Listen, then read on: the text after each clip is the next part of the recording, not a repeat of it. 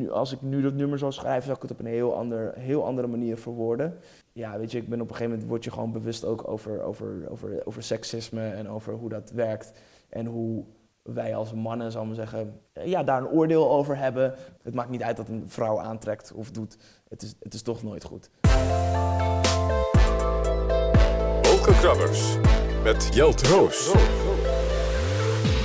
Welkom, leuk dat je luistert naar uh, Wolkenkrabbers, de podcast waarin we elke week een gesprek aangaan met artiesten uh, over teksten en eigen muziek. Elke week kom ik naar de artiesten toe en deze week zitten we in Haarlem in de toneelschuur. Tegenover mij zit Daryl Osenga en misschien is hij wel beter bekend als Inseno. Hij is rapper en activist. We beginnen normaal gesproken met een nieuwsbericht waarover we gaan praten. Ja, ik, ik volg niet, ja, dat is ironisch, want ik volg niet altijd helemaal 100% het nieuws.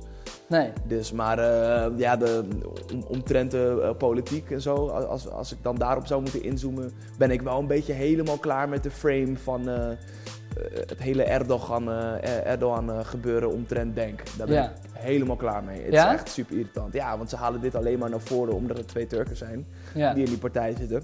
En Tot nu toe heeft geen enkele eh, politieke partij eh, heeft, eh, de genocide tussen haakjes erkend. En eh, ondertussen heeft ook niemand de genocide in Palestina erkend. Dus het is gewoon, het wordt ontzettend met een dubbele standaard gemeten. Dus elk nieuwsbericht daarover komt er echt met strot uit. Dus, Ja. Ja. Dus eh, je hebt wel de politiek veel gevolgd, denk ik, de afgelopen dagen. Mag ik vragen wat je gestemd hebt? Ja hoor. En wat is, welke partij heb je? Eh, ik, heb, eh, ik heb op Denk gestemd, op Gladys Albitraal. Ja, Ik vond haar wel een, een, een, een, ja, een persoon wa- waar ik me, waar ik, waar ik me wel heel, heel, heel erg in kon vinden. En ze, is- ze is heel rustig, ze heeft een goede politieke achtergrond, zou ik maar zeggen. Dus eh, ja, ik zag daar wel vertrouwen in, weet je. Dus ik heb haar, op haar gestemd. Ja. ja. en Denk is natuurlijk een nieuwe partij. Was je Ja. blij dat, die er, dat zij zich erbij eh, voegde? Die, eh, nou, zij was er al vanaf het begin bij. Ehm, ik, ik, ik denk dat het een, ja, dat het een goede stap is en dat dit een goede eerste stap is voor, voor een nieuwe partij. Weet je, het feit dat ze als nieuwe partij drie zetels naar binnen wisten te halen is gewoon heel mooi, weet je. Dus eh, nou, ik hoop dat ze dat vast kunnen houden en dat het in de toekomst meer mag worden of dat ze kunnen uitbreiden en zo. Dus, Ja, precies. Eh, ja, ze zijn in ieder geval. eh, het, het was voor veel mensen een verrassing, laat ik het zo zeggen. Dus ze zitten in de Kamer, dus ik denk dat dat al een hele goede stap is. Ehm, we gaan het zo nog verder over politiek hebben. Eh, maar ik wil eerst even over je album, want die is in oktober uitgekomen, Ja, oktober klopt. vorig jaar. Ja. Ehm, en eh, nou, daar heb je heel veel tracks die gaan over maatschappelijke problemen, onder andere de track eh, Geweldsmonopolie. Mhm. En eh, in die track zeg je dit. Leven in de politiestaat, je kan niet staan waar politie staat. Vandaar de politie jaten en dan nog toch nooit met politie praten. Ze liegen vaak in het procesverbouw. Maar als je dat zegt, wordt je bek verbouwd en in de cel gedouwd. Zit je better wat je bek en dat je anders mee met de politie. Je hebt het in, de, in die track veel over, over dat onderwerp. Over Ja. politie, geweld. Ja. Ehm, eh, waarom is dat? Ja, omdat het, omdat het zo is. Eh, ik, ja, weet je, ik ben een, eh, voor mij is rap een reflectie van, ja, gewoon product of your environment, zal ik maar zeggen, weet je. Dus eh, als, je, als je om je heen dit soort dingen ziet gebeuren, nee, je bent toevallig een rapper of kunstenaar, wat voor vorm dan ook, dan zal dit zich ook een soort van uiten in, in, in, in het, wat- hetgeen wat je maakt. Ja. Dus ja, Heb je zelf ook eh, te maken gehad met politiegeweld? Eh, ja, en eh, zelf gelukkig nooit echt in elkaar geslagen door politie. Vrienden van mij wel. Ehm, ja, natuurlijk wel, weet je, mm, ja, gewoon bepaalde dingen met politie, weet je, dat ze je gewoon onnodig komen ondervragen omdat je ergens staat of zo, weet je. En Ja. nou ja, gewoon weet je, en mm, in, binnen het activisme krijg je wel veel te maken met politiegeweld. Dan heb je wel gewoon dat politie je echt heel onredelijk behandelt. Ook als je wordt opgepakt en met tie-rips in plaats van handboeien en eh, liegen over de rechten die je hebt en dat soort dingen, weet je. Dus nou, is ook wel een vorm van politiegeweld, of in ieder geval politie-machtsmisbruik, weet je. Want je, zit in een, in, in een positie op zo'n moment dat je niet heel veel kan doen. Dus het is dan heel vervelend als iemand dan eh, ja, je eigenlijk je grondrechten probeert te ontnemen. En je probeert wijs te maken dat je geen recht hebt op een advocaat en dat soort dingen. Dus dat reken ik daar ook onder. Ja, en, en wat zou een oplossing kunnen zijn? Zou jij zeggen, want je hebt het over het geweldsmonopolie, zij mogen geweld bru- gebruiken ja, als enige, zij hebben wapens. ja. Ehm, vind je dat de politie geen wapens zou mogen hebben? Bijvoorbeeld? Dat is wel echt, dat is wel de ultieme oplossing. Eh, er zijn landen waar politieagenten alleen knuppels hebben, en geen pistolen en dat soort dingen. En het blijkt wel dat daar. Ik geloof in Engeland ook. ja, toch? volgens mij ook ja. En het blijkt wel dat de banden tussen burgers en politie daardoor iets beter is. Eh, omdat je ook, en, en die krijgen ook ander soort trainingen die veel meer ge- gespecialiseerd zijn op hoe je omgaat met mensen. En eh, ja, ik denk dat, dat, ik, ik denk dat de politie vooral heel veel de-escalatietrainingen zou moeten krijgen. Dus hoe ze een situatie kunnen laten de-escaleren in plaats van escaleren. Want toen er eh, destijds een demonstratie was, bijvoorbeeld eh, in, in Den Haag, in plaats van dat ze de, de burgers rustig proberen te krijgen. En Je bedoelt de Schilderswijk? ja, eh? Schilderswijk stormen ze naar buiten met, met ME-troepen. Ja, Ja. Terwijl de sfeer daar al gespannen is. Ja. Het is gewoon stom, weet je. Dat is niet de-escalerend optreden. Wat, wat zouden ze moeten doen in zo'n situatie? Jij was erbij, je hebt er ook ik, ik denk vastgezeten. eh, door die Ja, ik heb ook nog vastgezeten inderdaad. Maar ik denk gewoon bemiddelen, man. Gewoon ervoor zorgen dat je gewoon dat, dat, dat er een woordvoerder of iets dergelijks, dat iemand naar buiten komt en probeert met de burgers te praten, weet je, om ervoor te zorgen dat het, dat het weer rustig wordt. Maar op jou mensen in gaan lopen hakken, ja, ik weet niet of dat zo'n goed idee is. Ja, je hebt de sfeer daar geproefd. Ik, Ja. ik was er zelf niet bij, maar, Ja. maar denk je dat die mensen... eh, eh, ehm, denk je dat die mensen rustig zouden kunnen worden? Ja, wel, natuurlijk wel. Ja, want jij, jij hebt de sfeer, ge- ge- je hebt de sfeer gemerkt. Ja, ja, absoluut wel, zeker wel. ja. Want jij stond erbij, eh, wa- waarom was jij daar? Ja, om- omdat ik het noodzakelijk vond om daar een deel van uit te maken. Het, het is natuurlijk gewoon, eh, er is gewoon een man eh, overleden, eh, ja, is gewoon overleden door politiegeweld. Ja. Die ge- gewoon een bizar optreden. En dat is nog niet eens het hele punt, alhoewel dat natuurlijk ook heel erg is. Maar wat, ik, wat, wat mij voornamelijk, wat ik heel gevaarlijk vond, is dat, dat er valse nieuwsberichten naar buiten werden gestuurd. Van, hij is onwel geworden in het busje. En Mhm. toen kwamen die videobeelden op social media waaruit bleek dat dat totaal niet het geval was. En dan van ja, weet je, dus voor hetzelfde geld is, ben ik het of is het mijn neef of is het, weet je. En dan wordt er gezegd ja, hij is onwel geworden in het busje. Ja. En niemand die dat kan controleren als het niet gefilmd is. Ik vind dat heel erg beschamend en ik vind dat ook een, ja, ik vind dat heel gevaarlijk ook, weet je, dat dat, dat gewoon maar kan. Ja. Dus eh, daarom vond ik het heel belangrijk om daar te zijn. En vind je, eh, ehm, je, je spreekt je ook vaak uit op Twitter over Ja. dat soort dingen. Je bent vaker bij eh, demonstraties. Mhm. Vind je dat je als artiest of als publieke persoon, eh, kunstenaar, wat dan ook, je moet mengen in dit soort discussies? Je moet niks. Maar ik denk dat het wel een, ehm, juist degenen die een, een, een, een bereik hebben, of een voice hebben, of een, een, een following, zouden daar gebruik van kunnen maken om op een positieve manier om, om awareness eh, te creëren, of in ieder geval dit soort eh, discussies aan te kaarten. Ik denk dat het zeer belangrijk is om je uit te spreken. Ik weet ook dat heel veel artiesten zich niet durven uit te spreken, omdat ze ook weten dat het eh, financiële gevolgen kan hebben voor een carrière. Of fans die dan daardoor niet meer fan zijn. Maar hoewel je dan kunt afvragen hoe fan ben je als je niet eens je eigen mening kan hebben over iets. Wat ook nog eens best wel een kwalijke situatie is. Zo. Dus ehm, ja, ik, eh, ik, ik heb, het heeft mij nooit weerhouden. Als, eh, als voorbeeld gaf je zelf Drake in, eh, in een interview met de Volkskrant, geloof ik. Ehm, dat, eh, dat hij zich, bijvoorbeeld Beyoncé spreekt zich eh, tegenwoordig veel uit over, Ja. eh, over, over vrouwenrechten Ja. en andere belangrijke onderwerpen. Maar je zei zelf van Drake is bijvoorbeeld iemand die doet dat minder, omdat hij veel blanke fans. Nou, Beyoncé heeft ook veel witte fans. Maar ik denk dat het meer te maken heeft met. ehm, ehm, nou ja, weet je, het- het- ik denk dat het, er, er komt ook gewoon een heel stukje eh, industrie bij kijken. Dat is natuurlijk ook een. Het heeft ook te, eh, timing, weet je. Eh, Beyoncé kan zich nu uitspreken, alhoewel zij heeft wel schrijvers, zal maar zeggen, voor zich. Dus schrijft haar eigen nummers niet. Dus, maar ehm, los daarvan, ehm, ik, ik, eh, ik denk dat het ook een stukje timing is. Sommige dingen kun je niet doen in een bepaald tijdperk, omdat daar nog niet is. Maar nu is Beyoncé is op zo'n sterke positie dat ze, zij, zij zich het kan permitteren om zich uit te spreken. Ja. En ja, ze zal daar heus wel wat fans door verliezen. Maar ze zal ook weer heel veel nieuwe fans erdoor krijgen. Want juist heel veel mensen die misschien eerst Beyoncé niet zo... eh, ja, die, die haar misschien wat minder eh, eh, vonden of zo. Die vinden dit misschien juist een hele goede actie. Ja. Waardoor ze dan iets hebben van, oké, als het die kant op gaat, dan ga ik het juist supporten. Dus het, is, eh, werkt twee kanten op. Maar ik denk dat het, eh, ja, ik denk wel dat veel artiesten, maar vooral het, industrieverhaal, eh, dat het erbij komt kijken dat heel veel artiesten zich niet uitspreken inderdaad voor het verlies van hun witte fans. Dat is gewoon, ja, vind ik jammer. Omdat juist, juist die artiesten moeten zich juist uitspreken. En zit hem het ook niet voor een deel een verschil in onderwerpen waar je überhaupt mee bezig bent? Ik denk dat de een toch meer bezig is met, met de maatschappij dan andere. Ja, dat is ook weer zo. Kijk, weet je, het is, het is natuurlijk op een gegeven moment als je, als je gewoon rijk bent geworden door wat je doet, dan kan je gewoon ontzettend jezelf afsluiten van de buitenwereld en dan heb je eigenlijk nergens meer last van. Maar ja, dat, dat neemt niet weg dat de mensen die jouw muziek luisteren er nog steeds last van hebben, snap je?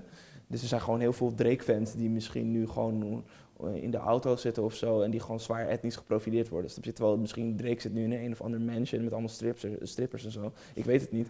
Maar hij heeft misschien daar nu niet geen last van, snap je? Maar eh, dat neemt niet weg dat de mensen die hem supporten en hem geld geven eigenlijk, als het ware, en betalen voor zijn producten, dat die daar wel last van hebben. Dus daarom is het wel belangrijk om je gewoon uit te spreken, vind ik. Ja, het hoeft niet 24-7 of zo. Je hoeft niet, je hoeft niet die hele, je toch, je hoeft niet eh, een hele Malcolm X op Twitter te zijn of zo. En de hele dag dat, maar je kan wel af en toe er wat over zeggen. Of als je denkt van, hé, hey, weet je, spreek je gewoon uit. Het is belangrijk. Hoe meer mensen zich uitspreken, hoe, hoe beter, denk ik. Ja, we hebben in Nederland natuurlijk het voorbeeld gehad van uh, Typhoon niet zo heel lang geleden. Ja. Wat vond je daarvan? Ja, ik vond heel goed dat Typhoon zich uitsprak. Typhoon is ook vrij, eh, vrij goed in zijn dingen verwoorden. Dus ik vond ook dat hij het heel netjes eh, had uitgeschreven. En eh, ja, ik denk dat dat heel goed is. Dat eh Typhoon en daarna kwam Props. eh, volgens mij daarna had ook nog iets meegemaakt. Die is, heeft zich ook uitgesproken. Ja, klopt. Dus het, het, het, balletje gaat daardoor ook rollen. Ja, als bijvoorbeeld één artiest, grote artiest zich uitspreekt... en die ziet dat het niet een al te grote backlash heeft... dan zullen meer artiesten ook dat voorbeeld nemen van... hé, hey, oh, ik kan dat dan ook doen. Dan spreek ik mij ook uit. Dus het, is goed dat Typhoon die stap heeft genomen. Ja, zeker. Yes. En eh, in een andere track zei je dit.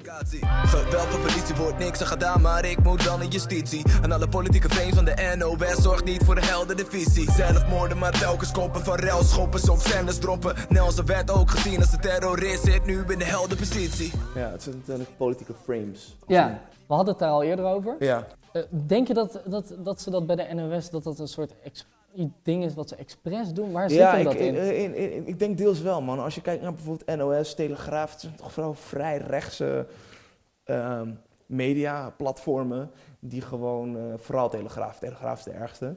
Maar ik denk dat, ja, ik heb altijd een beetje het gevoel dat NOS soms gewoon het schoothondje is, is, eh, is van de rechtse overheid. Soms zeggen van de rechtse politieke vleugel.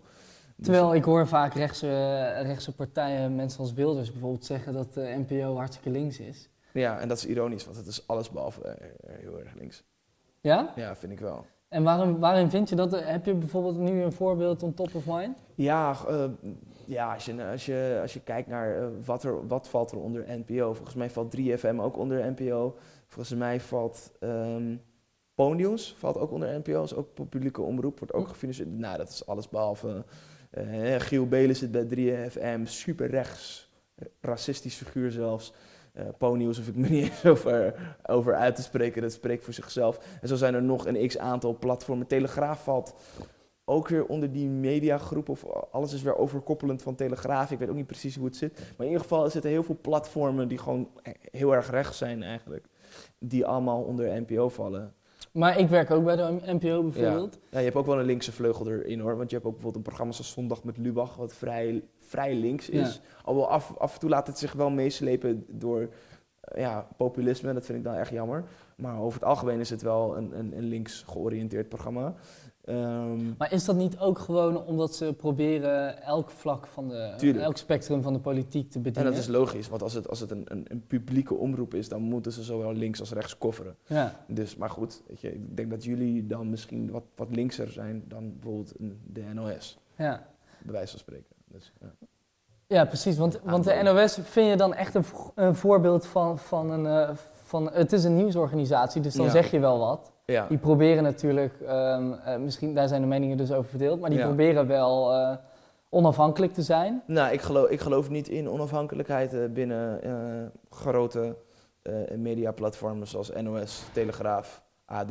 Ik geloof absoluut niet zelfs in objectiviteit. Waar komt de invloed vandaan dan? Ik heb zelf gezien gewoon hoe er gewoon keihard wordt gelogen in art- krantenartikelen. Ja. Dat ik ergens ben en dat er vervolgens gewoon een heel... Er stond een keer een heel, heel verhaal eh, in AD. Toen, eh, toen was er een, een, een demonstratie in, eh, in, in Gouda, was dat volgens mij? Voor mij was dat in Gouda.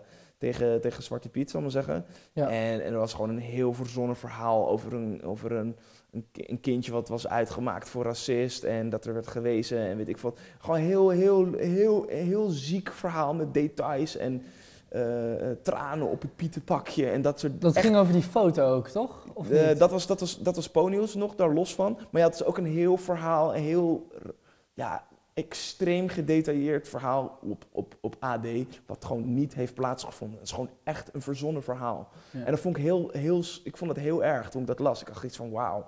Weet je los van het feit of je het ergens mee eens bent of niet, kan je niet zo op die manier gewoon een, een, een verhaal de wereld inbrengen. Want mensen geloven dit gewoon. Mensen lezen dit en die geloven het. Maar het is, een, het is werk van een individueel persoon, denk ik dan. Het is Ja, maar je werkt wel namens een organisatie. Ja. Snap je wat ik bedoel? Ja. En dat is, dat is dus het punt. Als, als ik, al- als, ik als eh, eh, een retailer werk voor, eh, voor Samsung en ik, en ik zeg ze dat, die, dat de, de, de Samsung Galaxy S5 onder water kan. En, eh, en ik maak dat diegene wijs en ik zet het op mijn website. En dan vervolgens eh, eh, is die telefoon niet waterdicht, dan krijgt Samsung op zijn flikker. Terwijl ik het misschien heb, terwijl ik het misschien heb verkocht. Weet je, en dat is dus het punt. Je, je werkt namens een organisatie, dus je schaadt hoe dan ook de organisatie. En niet het individu. Ja, het individu kan ontslagen worden, maar dan is de schade nog steeds aangericht. Snap je? Als, Ja. als, als in Holland, eh, als, als, als, als één leraar van in Holland diploma's verkoopt, dan eh, is het die ene leraar en hij wordt ontslagen. Maar heel in Holland krijgt daardoor imago-schade. Nou, hetzelfde geldt voor eh plat, mediaplatformen. Dus het is misschien inderdaad, eh, nou ja, ik denk niet dat die eh, journalist ontslagen is of iets dergelijks. Maar het, het, het punt is wel gewoon dat eh, de schade wordt aangericht aan het platform en niet zozeer aan het individu. ja, en jij zegt ik was erbij. eh, Die Ja. situatie die was gewoon niet zo. Nee, is gewoon punt. absoluut niet waar. Nee. Ehm, wat, zouden we daaraan, wat zou daaraan moeten gebeuren om, om dat soort dingen eh, uit de wereld te, te helpen? Want uiteindelijk wordt het niet gerectificeerd. Juist, en dat is het punt. Dat is het daar zit het grootste probleem. En wat ook nog eens het probleem is, als het al gerectificeerd wordt, dan krijgt het nooit zoveel media coverage als dat het kreeg eh, voor, eh, weet je, net zoals dat hele verhaal in Keulen toen, dat er zogenaamd vluchtelingen waren die mensen hadden aangerand. Tot de dag van vandaag geloven nog steeds mensen dat dat waar is, terwijl het geen vluchtelingen waren. Nog steeds hoor ik mensen, ja, Keulen, we willen niet nog een keer Keulen. Keulen waren geen vluchtelingen. Jawel, eh, nee, dat is al lang teruggetrokken. Maar dat betekent dus dat het is, wordt niet zoveel media coverage ingestoken om, om het weer terug te draaien. Om ervoor te zeggen, hé jongens, we zaten ernaast. En dat is, dat is waar het vaak fout gaat. En ehm, er worden misschien ook te snel voorbarige conclusies getrokken. En eh, ja, ik merk ook dat heel weinig eh, journalisten gewoon gebruik maken van legitieme bronnen. Er wordt gewoon maar wat opgeschreven. Weet je, het is gewoon. Het is, gewoon, het, is, het is gewoon echt zonde, ook gewoon voor het journalistieke vak vind ik het gewoon heel vaak gewoon een schande. Dat ik denk, ja, volgens mij zijn jullie, is dit, dit is niet wat je op je school hebt geleerd. Nee. Nee. nee en ehm, eh, je hebt het in je tracks ook veel over, over de massa. Ja. eh, die eindelijk eens een keer wakker moet worden. Om Ja. het even zo samen te vatten. Ja. Als iedereen zo braaf leeft, wacht ik op een staatsgreep. Jong en onervaren, noem me jong ervaren. Als iedereen zo braaf leeft, is het wachten op een staatsgreep. Jong en onervaren, noem me jong ervaren. eh, eh. Ehm, wat bedoel je daar precies mee? Mensen slapen, man. om, het gewoon, om het gewoon zo te zeggen. Gewoon, mensen slapen echt. Ik, er gebeurt zoveel shit, zal ik maar zeggen, weet je. En het, ja, weet je, het is, het is gewoon... ehm, de eh, leugens zijn gewoon comfortabel. Het is gewoon, weet je, het is gewoon makkelijk om, om te geloven dat, dat de overheid het beste met ons voor heeft. Dat wat je ziet op het nieuws, dat het waar is. Eh, dat, weet je, dat, dat al die dingen, eh, dat, het, dat het normaal is om acht uur per dag te werken. Terwijl andere mensen gewoon in de Bahamas gewoon kunnen liggen en zo. Het is, het is gewoon bizar, snap je? En eh, al die dingen gewoon bij elkaar. Op het moment dat je dat allemaal gaat, zoals we zeggen, als je daar niet akkoord mee gaat. En je gaat op een gegeven moment je, je, je research daarnaar doen. Dan kom je op een gegeven moment achter dat het gewoon niet klopt. Weet je? En, maar dat is gewoon oncomfortabel. Want dat betekent dus dat je gewoon in een soort van ja, ja, matrix eigenlijk leeft. Je bent gewoon, je, je, bent gewoon eigenlijk gewoon een, een, een, een, een deel, je bent gewoon een tandwieltje van iets. Terwijl andere mensen daar gewoon keihard van profiteren. En, dat is, en op het moment dat jij daar moeite voor moet doen om jezelf daarvan los te breken of om daar iets tegen te doen, dat is gewoon super oncomfortabel. En dus ik kan me ook wel voorstellen dat mensen niet altijd het fijn vinden om wakker te worden. Omdat wakker zijn of ehm, ja, eh, het is ook een soort van vorm van oncomfortabelheid. En het is gewoon heel confronterend voor heel veel mensen. Ja, en dan blijft het ook nog zo dat ehm, eh, het is ook maar wat je ermee doet. Als je weet dat het Ja. allemaal niet, wa- niet waar is. Ja. Ehm, eh, snap jij niet dat er mensen zijn die gewoon denken, nou, ik weet het wel, maar... Ik- Tuurlijk. Kijk, eh, weten is één, doen is twee. Weet je, het is altijd practice what you preach. En er zijn ook heel veel dingen die ik weet, maar die doe ik ook niet altijd. Een simpel voorbeeld, ik weet dat bijvoorbeeld ehm, eh, M&M's bijvoorbeeld in zo'n zakje of chips, dat het heel slecht voor me is. Ik ben best wel bewust daarvan en ik eet ook vrij gezond. Ik eet veel fruit, en groenten en dat soort dingen. Maar af en toe, ik koop ook gewoon M&M's, snap je wat ik bedoel? Terwijl ik weet gewoon, hé, dat is gif. Er zitten allemaal stoffen in die mijn lichaam niet nodig heeft, weet je.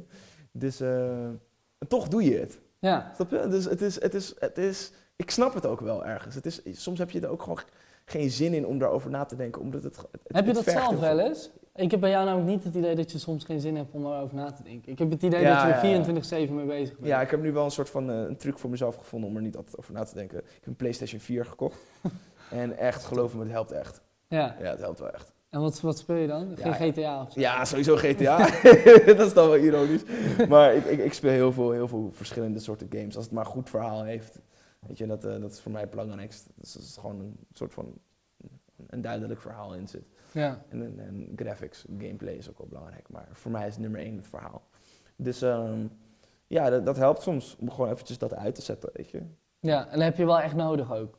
Ja, soms wel. Want anders, anders draaien mijn hersenen gewoon overuren. Ja. Ja. En de media waar je het over hebt, waar je het eh, niet altijd mee eens bent, laat ik het zo eh, Ja. zacht uitdrukken. Ja. Ehm, eh, waarom volg je dat dan eigenlijk nog? Het, het is niet dat ik het volg. Ik heb geen tv. Dus, ik, ik, dus het nieuws kan ik al niet kijken. Ehm, eh, althans, ik heb geen kabel. Ik heb wel een tv, anders kan ik niet Playstationen. Maar ik heb, ik heb geen kabelabonnement. Soms, dus ik kijk geen televisie.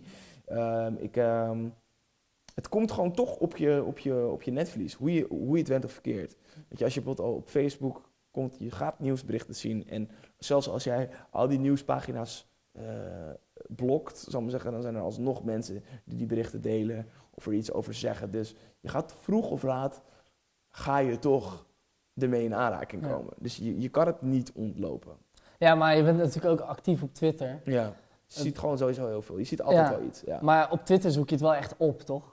Nou ja, weet je, je ziet gewoon vaak gewoon de hashtags, dingen die trending zijn. Als je bepaalde mensen volgt, zie je ook bepaalde dingen voorbij komen. Nou ja, weet je, dus het is... eh, en, en deels gaat het ook mijn leven aan en de mensen om mij heen. Dus ik, ik, je kan ook weer niet je helemaal ervan afsluiten. Want het heeft invloed op ons leven. Dus je kan wel zeggen, ja, fok, fok dat allemaal. En dan het dan helemaal uitzetten. Maar als zij nu besluiten dat wij morgen allemaal eh, 1000 euro per maand moeten betalen. slaat nergens op dat ik dit zeg, maar even, eh, weet je, dan ben ik morgen de lul. Dus het is, het, we moeten, ik moet me soms er ook wel gewoon mee bemoeien of ervan op de hoogte zijn. Omdat het ook mij aangaat. Dus ja, en mensen om me heen. In de track Mental Show heb je het over onder andere dames zonder zelfrespect die op eh, Ja. social media eh, op, zich op een bepaalde manier uiten, laat ik het zo zeggen. Ja. Je wil respect, omdat je dikke billen hebt, dus springen in de string. Zet je dit op Instagram. Vind je het gek dat ze denken wat een teringsled? Je profileert jezelf op internet als simpel mens. Met 120 tags alleen maar voor bevestiging. Je vindt het vreemd dat je leven vol ellende zit. Vele woorden zeggen niks en Wayne's een domme gangster hits. Ben je slechts een lustobject alleen maar voor de seks en shit? Wat bedoel je daar precies mee? Ja, nou, dat is een goede vraag. Kijk, ten eerste, die, dat nummer schreef ik echt een lange tijd geleden. Ehm, ten, eh, nu, als ik nu dat nummer zou schrijven, zou ik het op een heel, ander, heel andere manier verwoorden. Ehm, omdat het, ehm, ja, weet je, ik ben op een gegeven moment word je gewoon bewust ook over, over, over, over seksisme en over hoe dat werkt. En hoe wij als mannen, zal ik maar zeggen, hoe zeg je dat? Ja, daar een oordeel over hebben. En het is nooit goed. Het maakt niet uit dat een vrouw aantrekt of doet. Het is, het is toch nooit goed. Weet je, dus, ehm, en, en, en daar moeten wij als man trouwens mee ophouden. Met, met dat soort onzin. Eigenlijk om dat constant voor een vrouw in te willen vullen. En Ja, precies, want ik vond het eigenlijk heel erg in, in, in, in contradict. Ja, met hoe ik... Hoe ja, ik- daarom heb ik ook de, de, de verse. Heb ik, eh, het zijn vragen. Als je heel goed luistert, zijn het, alles wat ik zeg in die verse is een vraag. Ja. Dus het is, het is niet dat ik het zeg, het is meer van, eh, ik stel steeds een vraag van, eh, weet je. En dan kun je aan jezelf vragen van, is het terecht of is het niet terecht? Ja. Eh, ik ben blij dat ik het op die manier heb opgenomen. Want nu kan ik zeggen, ik ben het er niet meer mee eens wat ik zelf zei. Ja. Weet je, het heeft wel een discussie geopend. En ik heb er wel natuurlijk wel vaker vragen over gehad. En, eh, maar vanuit een feministisch oogpunt ben ik het er absoluut niet mee eens wat ik zeg op die track. Nee. Dus dat- maar daarom ben ik ook blij dat het vragen zijn die ik stel eigenlijk. ja, En, eh, want er zijn natuurlijk nog steeds wel veel mensen die vinden dat als je als vrouw, eh, nou weet ik veel, bikinifoto's op je Instagram zet, dat je dan je, een deel van je zelfrespect ja, maar dat slaat nergens op. verliest. Maar dat slaat Nee, dat staat ner- helemaal nergens op. En het is, het is gewoon ontzettend dubbele standaard als je kijkt met hoe, er, hoe de maatschappij met mannen omgaat daarin Ja. tegen en met vrouwen, weet je. En, ehm, ja, het, is ook, het wordt op een gegeven moment ook zo'n vicieuze cirkel, man. Het is op een gegeven moment, weet je, die- vrouwen posten dat omdat ze weten dat ze likes krijgen. Maar het, het punt is dan, als wij het, het zelfrespectloos, of wij vinden het respectloos voor, of we zeggen ja, gebrek aan zelfrespect, of we, allemaal, we gooien allemaal eh slut-shaming termen eraan, dan moeten wij ook stoppen met liken. Ja. Ja, je kan niet, je kan niet, je kan niet, je kan niet, het is of A, het is of B. Je kan niet zeggen, oh, je bent een hoer, en dan maar vervolgens wel op like drukken. Ja. Dat is heel raar.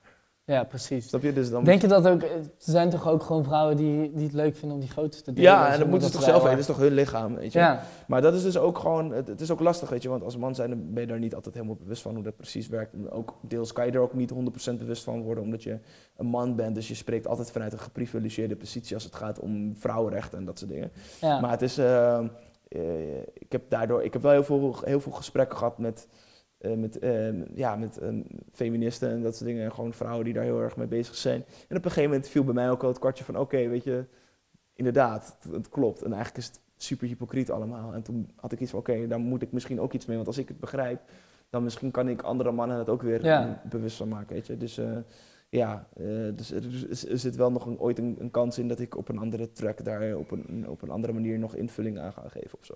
Ik weet nog niet precies hoe ik het ga doen. Want het is lastig om het goed te verwoorden. ja. En om ervoor te zorgen dat iedereen het snapt. Dus het is lastig. ja, vooral als man ook, denk ik. Ja. niet? En vooral ook in hip-hop, omdat het, het is zo makkelijk. De hele, de, de hele, de hele ehm, ja, eigenlijk het hele ding van, van slut-shaming en, en vrouwen bepaalde namen geven, dat komt basically voor uit hip-hop. Of in ieder geval, hip-hop heeft daar een gigantisch grote invloed op gehad. Ja. En, He- eh, heb ja. je het, het verhaal van Smip meegekregen deze week? Eh, dat eh, waren Utrechtse raadsleden Oh ja. eh, die de rapgroep eh, Smip wilden weren van het bevrijdingsfestival. Die waren daar Ja. tegen omdat er bitch in werd genoemd. Hallo bitch, ik word een moco. Fuego dwingt me random om te vallen naar de social. Kan niet eens meer praten met die bitches, ben niet social. Vind je Ja. dat ook, vind je eerlijk gezegd ook dat, dat je dat niet kan zeggen over vrouwen? Ja, dat is, dus- dat is een hele moeilijke discussie. Ik vind het een hele moeilijke. Kijk, ik vind, wat ik vind is.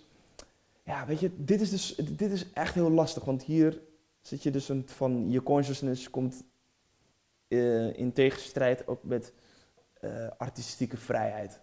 Dus ehm, eh, ja, kijk, weet je, je zou het kunnen beperken. Maar kijk, weet je, het is, sommige, sommige mannen zijn gewoon klootzakken. En sommige vrouwen zijn misschien gewoon bitches. Wat ik bedoel? Dus, dus kijk, als het past in het concept van wat je probeert. Kijk, als jij alle vrouwen framet als bitch, zullen we zeggen. Ja, daar heb ik wel een probleem mee. Want dat slaat nergens op, weet je. Want dat is, gewoon onzin. Maar als jij het bijvoorbeeld hebt over een specifieke persoon die jou een, een, een, verhaal of iets heeft aangedaan, bijvoorbeeld. Weet je, of die is vreemd gegaan of iets dergelijks, weet je. En jij vertelt dat verhaal. En jij hebt daar een bepaalde emotie bij en het woord bitch past daarbij, dan zeg het. Snap je wat ik bedoel? Maar weet je, als jij, als jij gaat roepen in een pokoe van alle vrouwen zijn bitches en zo, of je, in ieder geval je laat het zo blijken dat alle vrouwen bitches zijn, dan ben ik het er totaal niet mee eens. Nee. Ik, ik weet ook niet wat je moeder daarvan vindt. Maar, ja. Vind, je ook, vind je ook dat dat niet past op zo'n bevrijdingsfestival? Nou ja, dat is een goede vraag. Eh, ik, eh, dat, je kunt het vanuit twee kanten bekijken. Je kunt zeggen eh, nee, omdat dat, het, het, het, het limiteert het, het, het vieren van de vrijheid van, van vrouwen. Die worden geprofileerd als bitches. Wordt het, het is gewoon niet een, een bevrijdende term. En je kunt zeggen ja, omdat mensen de vrijheid hebben om te kunnen zeggen wat ze willen. Alhoewel, ik vind wel altijd... ehm, zodra het andere onnodig kwetst, daar, daar stopt jouw vrijheid van meningsuiting eigenlijk. Als het echt andere mensen schade aanricht, en Wilders is daar het perfecte voorbeeld van. Je kan heel erg makkelijk beroepen op, op vrijheid van meningsuiting, maar het houdt ergens op.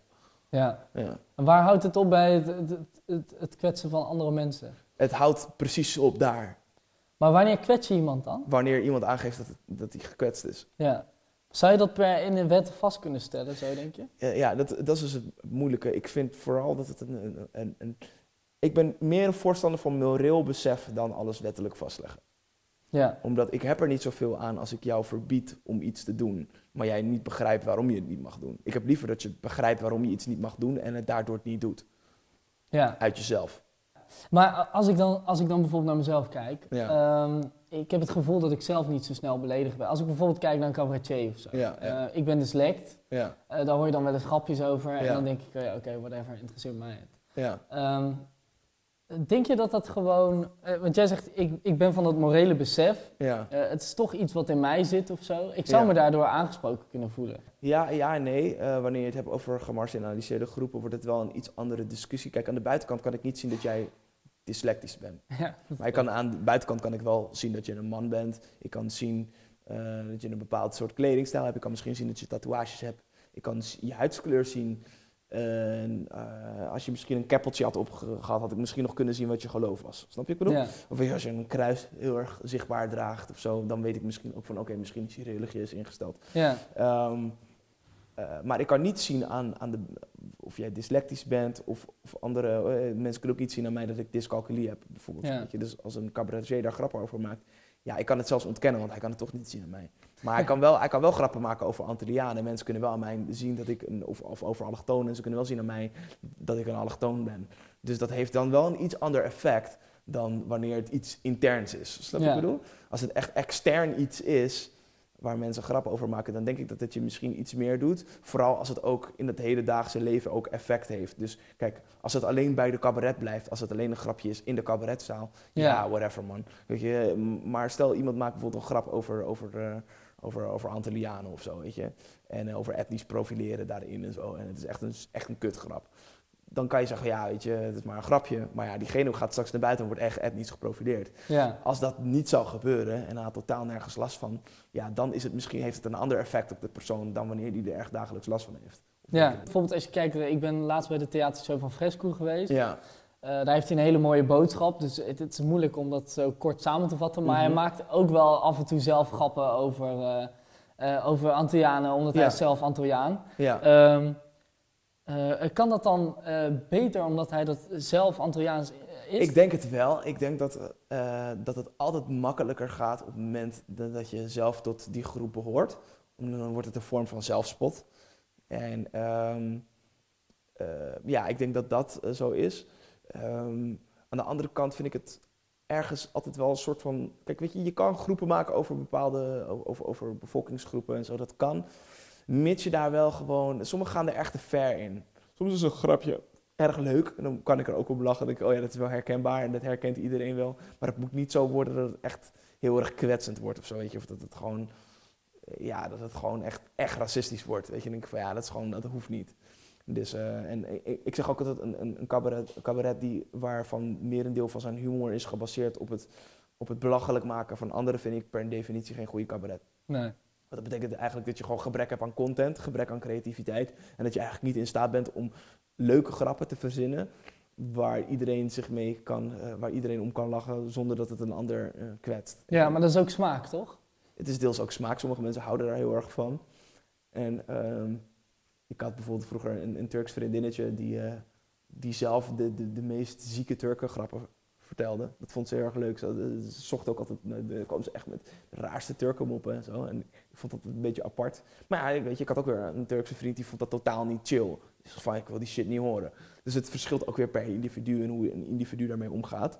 Dat is zeker waar. Ehm, ja. En daarom is het ook moeilijk, denk ik, per wet vast te stellen. Juist, en daarom ben ik ook zegt. De ene die kan er heel goed tegen, Ja, om het zo te zeggen. Ehm, die maakt ze misschien zelf eh, op eh, regelmatig. ja. De ander die is daar, ehm, ja, die is daar misschien wat gevoeliger in. Ja, klopt. Eh, ik vind de grens bijvoorbeeld, of degene die echt zwaar over de grens voor mij gaat, is bijvoorbeeld Hans Steeuwen. Ja. Ik vind Hans Steeuwen het perfecte voorbeeld van daar ligt echt de grens. En die gast is, ja, ik vond hem vroeger wel grappig of zo, maar op een gegeven moment hij ging zo ver in zijn grappen. Dat ik van ja, ik weet niet man, ik, ik- dan voel ik het niet meer, weet je. Maar ja, weet je, aan de andere kant, ik ben ook iemand, ik hou ook er niet van om mensen te limiteren in hun, in hun kunst of zo. En eh, vroeg of laat heeft dat toch wel effect voor iemands carrière, weet je. Als je Ja. bepaalde dingen doet, dan heeft dat gewoon effect. Dus, en daarom ben ik meer een voorstander van moreel besef creëren. Omdat dan op een gegeven moment mensen vanzelf komen tot het punt van... hé, we gaan dit niet meer supporten, want het is heel racistisch bijvoorbeeld. En als je het wettelijk vastlegt van het mag niet meer... dan krijg je juist meer wrijvingen, gaan juist mensen het willen doen omdat het niet mag. Ja, alles wat niet mag, per wet, willen mensen doen. Weet je, als jij nu zegt van ja, graffiti mag overal gezet worden, dan is het een stuk minder spannend. Als je gewoon graffiti op, treinen mag zetten, dan wordt het niet meer leuk. De spanning is nu juist dat het niet mag. En, maar op het moment dat je het morele besef hebt dat het niet mag, dan willen mensen het vaak niet doen van ja, weet je, laat maar, want ik, ik vernietig daar mensen hun eigendom van, weet je, en wij betalen ervoor als staat, dus daarom doe ik het niet. Dus daarom ben ik altijd een grotere voorstander van moreel besef creëren, zodat mensen uit zichzelf iets niet doen of iets niet supporten, weet je. Dus dat is gewoon beter dan wanneer, wanneer je het gaat verbieden. Ja. en je had het net even over, over ver gaan of te ver gaan. Ja, Eh, je bent natuurlijk ook battle MC. ja, Ehm, en in de battlewereld eh, ehm, eh, lijken er niet echt veel grenzen te zijn. ja klopt. Ehm, eh, ook niet als het gaat om racistische uitspraken, grappen, wat dan ook. Ja. Is dat niet voor jou heel erg in contrast met wat Ja. jij, hoe jij in het leven staat? dat is absoluut heel erg contrast. En dat is ook het, het, het ding met battelen ook gewoon is. Ik kan ook bepaalde grappen kan ik niet maken. Zal ik maar zeggen. Althans, ik, ik kan ze wel verzinnen. Maar mijn, mijn, mijn morele besef is heel vaak in strijd met wat ik schrijf. Ik heb Ja. ook wel eens gehad dat ik op een gegeven moment een hele reeks aan, aan, aan, aan bars klaar had liggen voor een tegenstander. Weet je, want het is, eh, je punch-out battles, dat is allemaal geschreven. En freestyle battles is gewoon on the spot. Maar, eh, en ik had altijd een vriend van mij, zal ik zeggen, die het ook doet. En meestal eh, checkte ik hem eventjes voor feedback en zo. En ik stuurde het hem. Ik zeg van, ja, kan ik dit wel zeggen? En hij ging stuk. Hij zegt, ja, dit moet je zeggen. En ik had iets van, ja... En die grappen waren niet eens zo heel erg of zo, weet je. Maar ik heb dan al iets van, ja, ik weet niet of ik dit wel kan zeggen, snap je? Dus, eh, ehm, ja... Ik, ik persoonlijk, ik, ik, de battle, de grenzen in battles zijn echt... Er zijn daar echt geen grenzen. Nee. En dat is voor mij ook op een gegeven moment vond ik het ook, vind ik het ook niet meer leuk. Want op een gegeven moment wordt het een soort van een spelletje van oké, wie kan wie het meest kwetsen. Terwijl het juist moet gaan om wie kan het meest creatief iemand anders uitschakelen. Gewoon met, met, met toffe bars en gewoon dingen die gewoon on point zijn. Zonder dat het al te kwetsend is. Ja, je kan persoonlijke dingen erin betrekken, weet je. En eh, eh, bijvoorbeeld eh, op een gegeven moment, ik had een 2-on-2 battle had ik en een van die guys, eh, die, die betrok dat activiste, eh, activisme voor mij echt heel, op een hele grappige manier erin. Die zei van ja, eh, ja, denk je nou heus dat hij het voor jou opneemt of zo? Zei hij iets van ja, hij doet hooguit een, een, een, een, een, een, een drive-by met een, een, met een spandoek, zou maar zeggen, weet je. En dat was heel grappig hoe die guy dat uitlegde en ik zag het ook echt voor me. En dacht ik, oké, nu heb je mij op iets persoonlijks gepakt, maar je hebt het wel op een grappige manier gedaan, waardoor mensen erom kunnen lachen, weet je. Als jij geschoten wordt, denk je dat hij je gaat wreken met een geladen Ganu? Insano doet hoogstens een drive-by met het woord flikker op een spandoek. Ik dacht, oké, dit is heel creatief, want je hebt iets, iets persoonlijks van iemand gepakt zonder dat het heel kwetsend is of zo, weet je. Ja. En, en, en, en dat vind ik vet, weet je. je. Je kan mensen een persoonlijke verhaal of dingen die je weet van iemand als persoon erbij betrekken.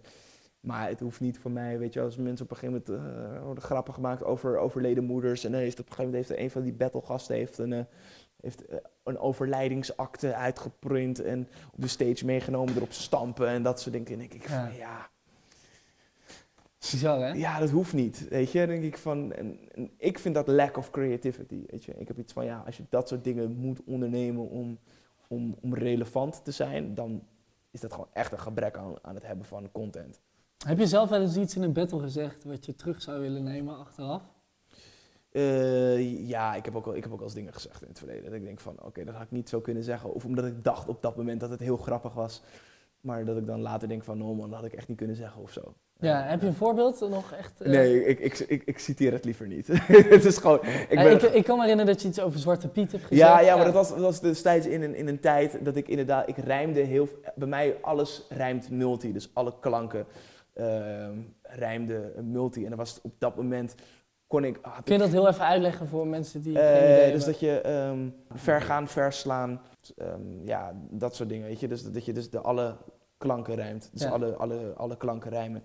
En op een gegeven moment, ik, ik was altijd iemand die hield van vergelijkingen, zal ik maar zeggen. Dus ik van, jij lijkt op een, en dan, maar dan dat dubbel rijmen. Dus als ik dan bijvoorbeeld zei, in, op een gegeven moment, jij lijkt op een... ehm, eh, ik zei toen in die battle, dat is echt lang geleden, ook was nog voor die hele Zwarte Pieten discussie. was het dan. 2011, toch? Ja, dat is, echt, dat is echt nog voor Quincy Gario, dat echt helemaal voor. Toen zei ik, jij lijkt op een gemixte versie van ehm, Zwarte Pieten en Justin Bieber. Maar dat, het, het, het rijmde zo perfect.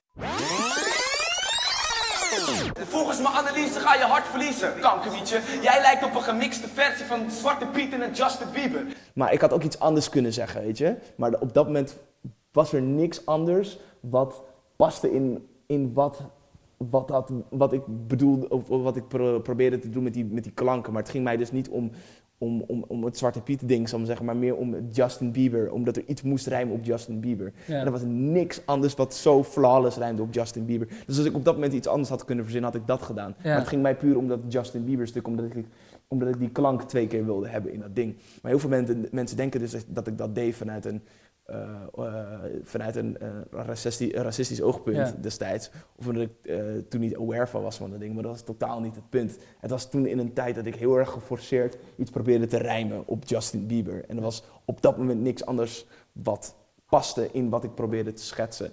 En eh, ja, dat zou ik dan heel graag terug willen nemen, omdat het toch... eh, het, ja, het is gewoon, het is, het, het- het- weet je, het was nog voor die hele discussie. Dus ik kan nog ik kan zeggen van ja, weet je, dat is voordat, ik, voordat dat überhaupt ontplofte. Eh, ehm, Maar je zou het in ieder geval niet nog een keer zeggen. Nee, ik zal zoiets no- nooit nog een keer zeggen, inderdaad. Nee, zeker niet.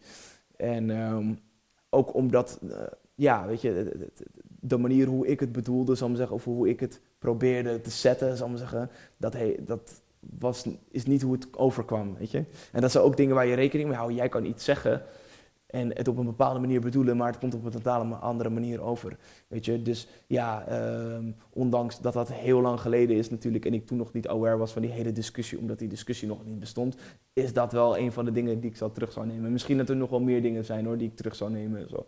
Ja, Dus ja, tuurlijk. Want ik zag ook nog een battle met eh Stef. Ja, En daar word jij weer heel hard aangepakt. Ja. Ook over je activisme Ja. en eh, ook over je huidskleur, Ja. eh, dat soort dingen. Je, ge- je gooit ook wat, wat bars terug tegen hem. ja. Ben je gevoelig voor dat soort... Nee, niet echt. Weet je, kijk, het is, het is gewoon een battle. Je weet, you know where you're signing up for.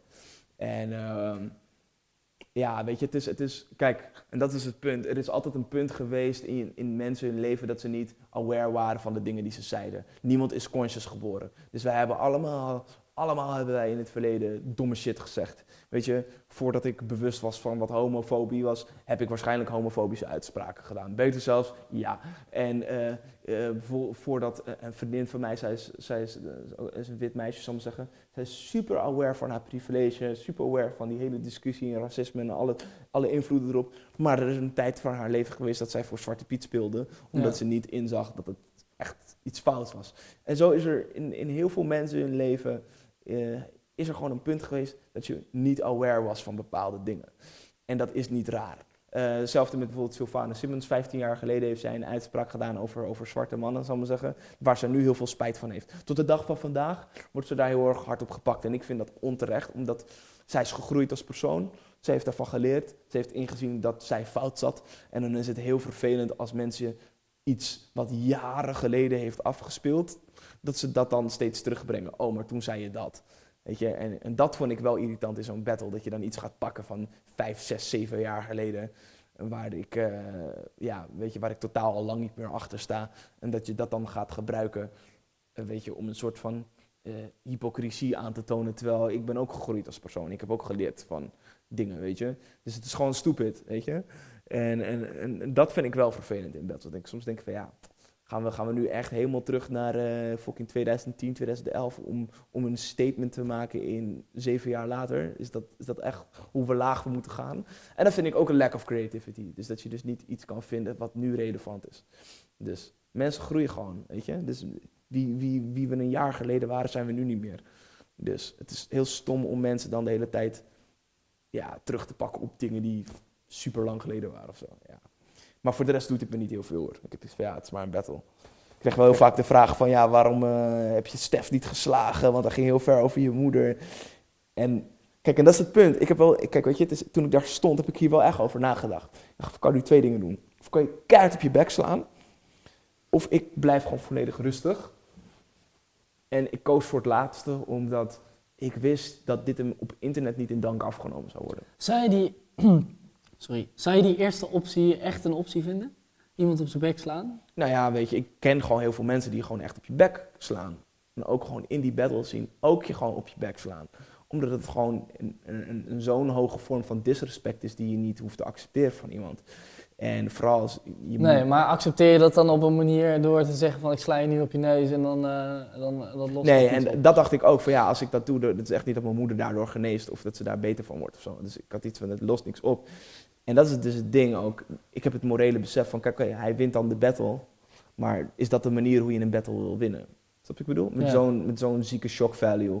En nog, nog steeds is de discussie best wel groot van of, of Stef überhaupt inhoudelijk die battle heeft gewonnen. Heel veel mensen zijn, zeggen van niet. Ik persoonlijk geef de winst aan Stef. Maar heel veel mensen op internet zeggen hij heeft niet gewonnen. Als je gaat kijken naar bars en eh, wie de creatiever was, heeft Inseno duidelijk gewonnen op het gebied van bars. Dus ik, op dat moment was ik, zag ik al in van op internet gaat dit een ander effect hebben dan in de zaal.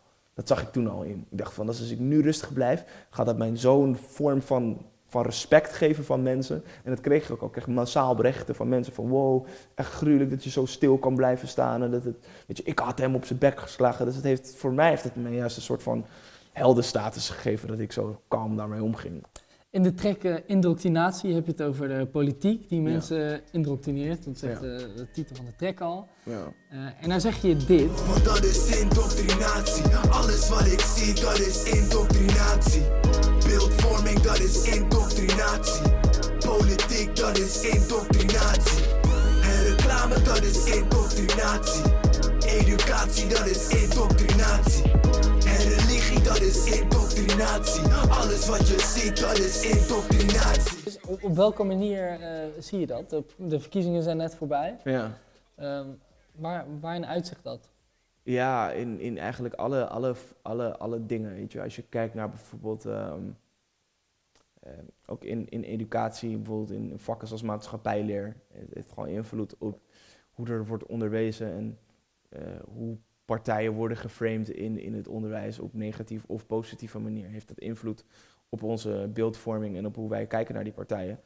En ehm, ja, ik, ehm, ik, het, het, ja, ik denk gewoon dat dat allemaal gewoon invloed heeft op elkaar. En dat daardoor mensen hun keuzes ook worden in, beïnvloed. Ik ben bijvoorbeeld ontzettende voorstander van het afschaffen van eh polls.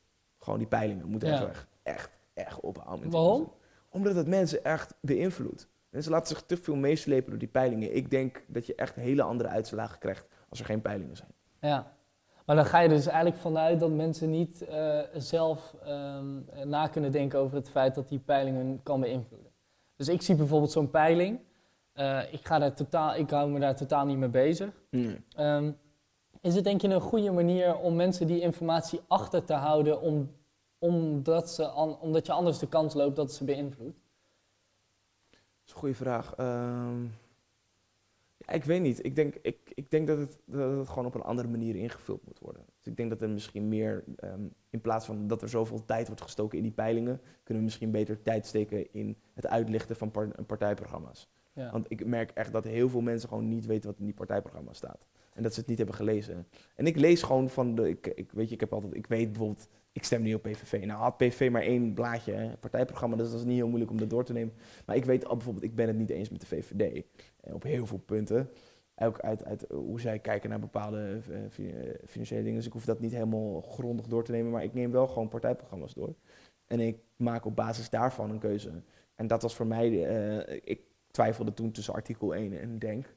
En ik vond Denk qua handelen een, een sterkere partij eh, op het gebied van hoe zij omgingen met, met media, hoe ze omgingen met kamervragen en dat soort dingen. Ze hebben voor mij al een bepaald soort ding bewezen van oké, weet je, jullie, dit is hoe jullie erin staan jullie zijn een beetje radicaal. En dat, dat vond ik wel fijn. Ik dacht, uit, daar kan ik mij mee identificeren als activist. Dus dat was voor mij de, de keuze om voor Denk te stemmen. Maar het had net zo goed artikel 1 kunnen zijn trouwens, want dat vond ik ook een goede eh, partij. Dus, ehm, eh, maar ja, weet je, dus, maar ik neem wel echt die partijprogramma's door. En van de twee waar ik dan wil uitkiezen, die leg ik ook echt naast elkaar. Ga ik checken, oké, van waar voel ik het meest bij. Je, dus eh, ja, op die manier heb ik mijn keuze gemaakt. Ja, maar dat is in dit geval dus, dus jouw keus. Ja. Nog heel even terugkomend over die, eh, over die peilingen. Ja. Eh, want wat ik daar heel interessant aan vind, eigenlijk vind je, ben je heel veel voor transparantie van de media, van de overheid. Ehm, maar dan zou je dus aan de andere kant toch weer zeggen, die peilingen, daar, daar ben ik niet zo voor. Nee, maar dat is toch logisch? Als er maar 3000 mensen of zo die in die peilingen zitten, dat is totaal geen goede afspiegeling van onze samenleving. Ja, Van wat ik weet. Dus dat, maar dat weet jij, maar dat zijn toch denk ik genoeg andere mensen die dat ook weten. ja, maar het is echt een, volgens mij, een, zeg, ik weet niet of ik de term goed gebruik, maar voor mij is het een vrij homogene groep. Dus het is echt één, één soort mens. Dus, Ja. dus die in die. Dus het is totaal geen goede afspiegeling. En, maar heel veel mensen weten dit gewoon niet. En die laten zich echt beïnvloeden door peilingen. Net als dat mensen niet het verschil weten tussen Eh, en dit is ook zoiets. Daarom ben ik ook een voorstander van geen eisen van de justitie meer in de krant zetten. Dat is echt, dat is echt doodvermoeiend. Dat is, dat is het makkelijkste voorbeeld wat ik kan geven eigenlijk. Is mensen weten niet het verschil tussen de eis en de uitspraak. Dat is me echt opgevallen. OM eist, heeft een jaar tegen mij geëist. Ja. Mensen dachten echt dat ik een jaar de gevangenis in moet. Nee, Dat was drie weken, toch? eh, ik, ben, ik, zat, ik, heb, ja, ik heb drie weken ongeveer vastgezeten, ja. Maar de eis was een jaar. Maar dat betekent niet dat ik een jaar de gevangenis moet. Dat is de eis van het OM. En de uitspraak is wat er daadwerkelijk gaat gebeuren. Maar heel veel mensen weten dit niet. Dus ze lezen OM eist een jaar tegen eh, rapper Inseno. En ik krijg mijn telefoon ontploft. Ja. Van, Oh, moet je nu een jaar in de gevangenis? En dan denk ik, nee, dat is de eis. En dan moet je het weer uit gaan leggen hoe het hele fucking rechtssysteem in elkaar zit. ja, maar dan ga je er wel steeds van uit dat mensen vrij dom zijn, toch? Of naïef? Nou, nou niet naïef. Het, het, het gedrag en de hoeveelheid berichten die ik krijg toont aan dat mensen het niet weten. Ja. En de dingen die ik ook lees toont aan dat mensen het niet weten. En je kan heel, heel makkelijk dingen kun je meten ook als je alleen als je naar nieuwsberichten gaat over vluchtelingen. Op, op, Maar zou je over Wilders ook niet willen lezen wat het OM eist? ja, eigenlijk nee, eigenlijk niet. Ik wil de uitspraak weten. Ja. En wat, weet je, het is of er moet gewoon het moet veel duidelijker uitgelegd worden. Het kan niet zo zijn. Kijk, weet je, dat is het punt. Ik heb dus gewoon het gevoel dat hoe, hoe, hoe, hoe eh, justitie werkt dan zo, dat mensen daar gewoon totaal geen kennis van hebben. Dat bijna niemand weet dat je eerst, eh, eh, als je eh, wordt opgepakt, dat je niet gelijk een strafblad hebt. Weet je hoeveel mensen dit niet weten? Dat je pas een strafblad hebt als je daadwerkelijk bij de rechter bent geweest en de rechter heeft besloten dat je een strafblad hebt. Mensen denken, oh, ik kan niet opgepakt worden, dan heb ik een strafblad en dan kan ik geen VOG meer krijgen. Nee, je kan gewoon opgepakt worden. Je moet alleen geen steen gooien op een politie of zo. En daar kan je voor veroordeeld worden, ja. Maar je kan gewoon demonstreren, dat mag. En als je wordt opgepakt, sta je waarschijnlijk binnen zes uur weer buiten. En dat is dus het punt. Mensen weten gewoon helemaal niet hoe dat hele ding werkt. Van je wordt opgepakt, eh, is het na een bepaald tijdstip word je in verzekering gesteld en dan moet je een nachtje overnachten. Eh, en eh, na drie dagen kom je bij rechtercommissaris en die besluit of jij naar huis van bewaring gaat of dat je weer naar huis mag. Nou, in activisme is het eigenlijk bijna tien, van, tien keer van de tien keer dat je weer naar huis gaat. En je, je gaat nooit drie dagen zitten. Eh, je staat meestal binnen zes, of zes uur weer buiten. Dus, maar hoe weinig mensen weten hoe dit hele systeem werkt. En dat er een verschil is tussen huis van bewaring en een daadwerkelijke gevangenis. Superveel mensen weten dit niet. Je, dus die weten ook niet het verschil tussen een eis, een uitspraak, een, een, een, een eh, ik weet even niet hoe dat ding van de advocaat heet, weet je. Al die dingen, dat weten ze allemaal niet, weet je. Dus dat is, dat is, dat is wel iets waar misschien het onderwijs meer, meer in zou moeten faciliteren. Zodat mensen gewoon, als ze zoiets lezen, dat ze weten, oh ja, dat is nog niet de uitspraak. Ja, in de trek eh, slavenmentaliteit ehm, dan zeg je dit. Waarom heet het rechtsstaat? Als het zo scheef is als een hoer en er eigenlijk niks recht staat. Daarom zeg ik denk na. Want het volk wordt gesepareerd. Wanneer wordt onze community gerepareerd? De fuck kunnen stemmen eens in de zoveel jaar. Mensen moeten gewoon elke dag kunnen stemmen. Eigenlijk zouden we elke dag moeten kunnen stemmen, Ja. zeg je. Vind je dat echt? Ja, waarom? Omdat, kijk, kijk dit is, ik denk dat het echt een gru- gruwelijk idee is om, om, ehm, om ehm, te kunnen stemmen via DigiD. Dus mensen kunnen iedere dag inloggen in hun DigiD en hun stem uitbrengen. Gewoon. eh, Over bepaalde onderwerpen? Of? Over alles. Ja. Want dan, kijk, wat nu is het gewoon, nu is het gewoon één keer in de vier jaar kom ik hallo zeggen. Ja. Ik voer campagne en ik zorg ervoor dat jij denkt dat, dat wat ik ga doen voor jou echt awesome is. En vervolgens zie je me vier jaar niet. En Ja. vier jaar flik ik hetzelfde geintje op. ja. En dan krijg je dus dat politiek... Maar je kan wel in principe die vier jaar checken wat partijen stemmen in de Tweede Kamer, welke moties ze indienen. ja, maar wie doet dat nou?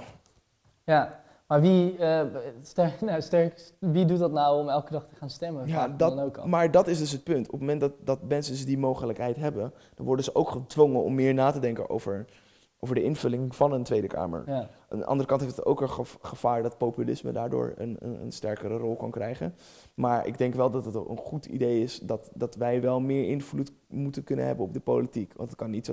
Weet je, en ik, ik denk ook dat het misschien meer naar buiten moet komen waar, zij, waar partijen ja en nee voor stemmen. Want heel vaak, eh, weet je, vooral de, de, de mensen die bijvoorbeeld heel rechts georiënteerd zijn, soms ook extreem rechts georiënteerd zijn, die. ehm, nou ja, bijvoorbeeld in, in Amerika zie je dit heel mooi met die hele Trump shit, weet je. Dat dan mensen Trump stemmen. En nu vervolgens aan het huilen zijn omdat ze geen Obamacare meer krijgen. Dan denk ik, ja, je bent gewoon die van je eigen portemonnee geweest. En je hebt jezelf in de vingers gesneden.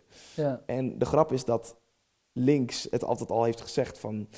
je wil niet rechts stemmen, want het gaat je in je vingers snijden. Als je niet boven het modaal verdient, moet je niet op rechtse partijen stemmen.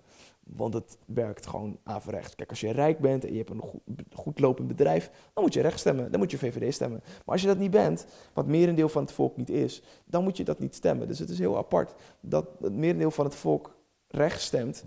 terwijl dat en dan huilen over, oh, zijn eigen risico gaat omhoog. Oh, dan denk ik, ja, maar je doet het toch zelf? Jij stemt er toch zelf voor? Ja. Dat is toch gewoon stom?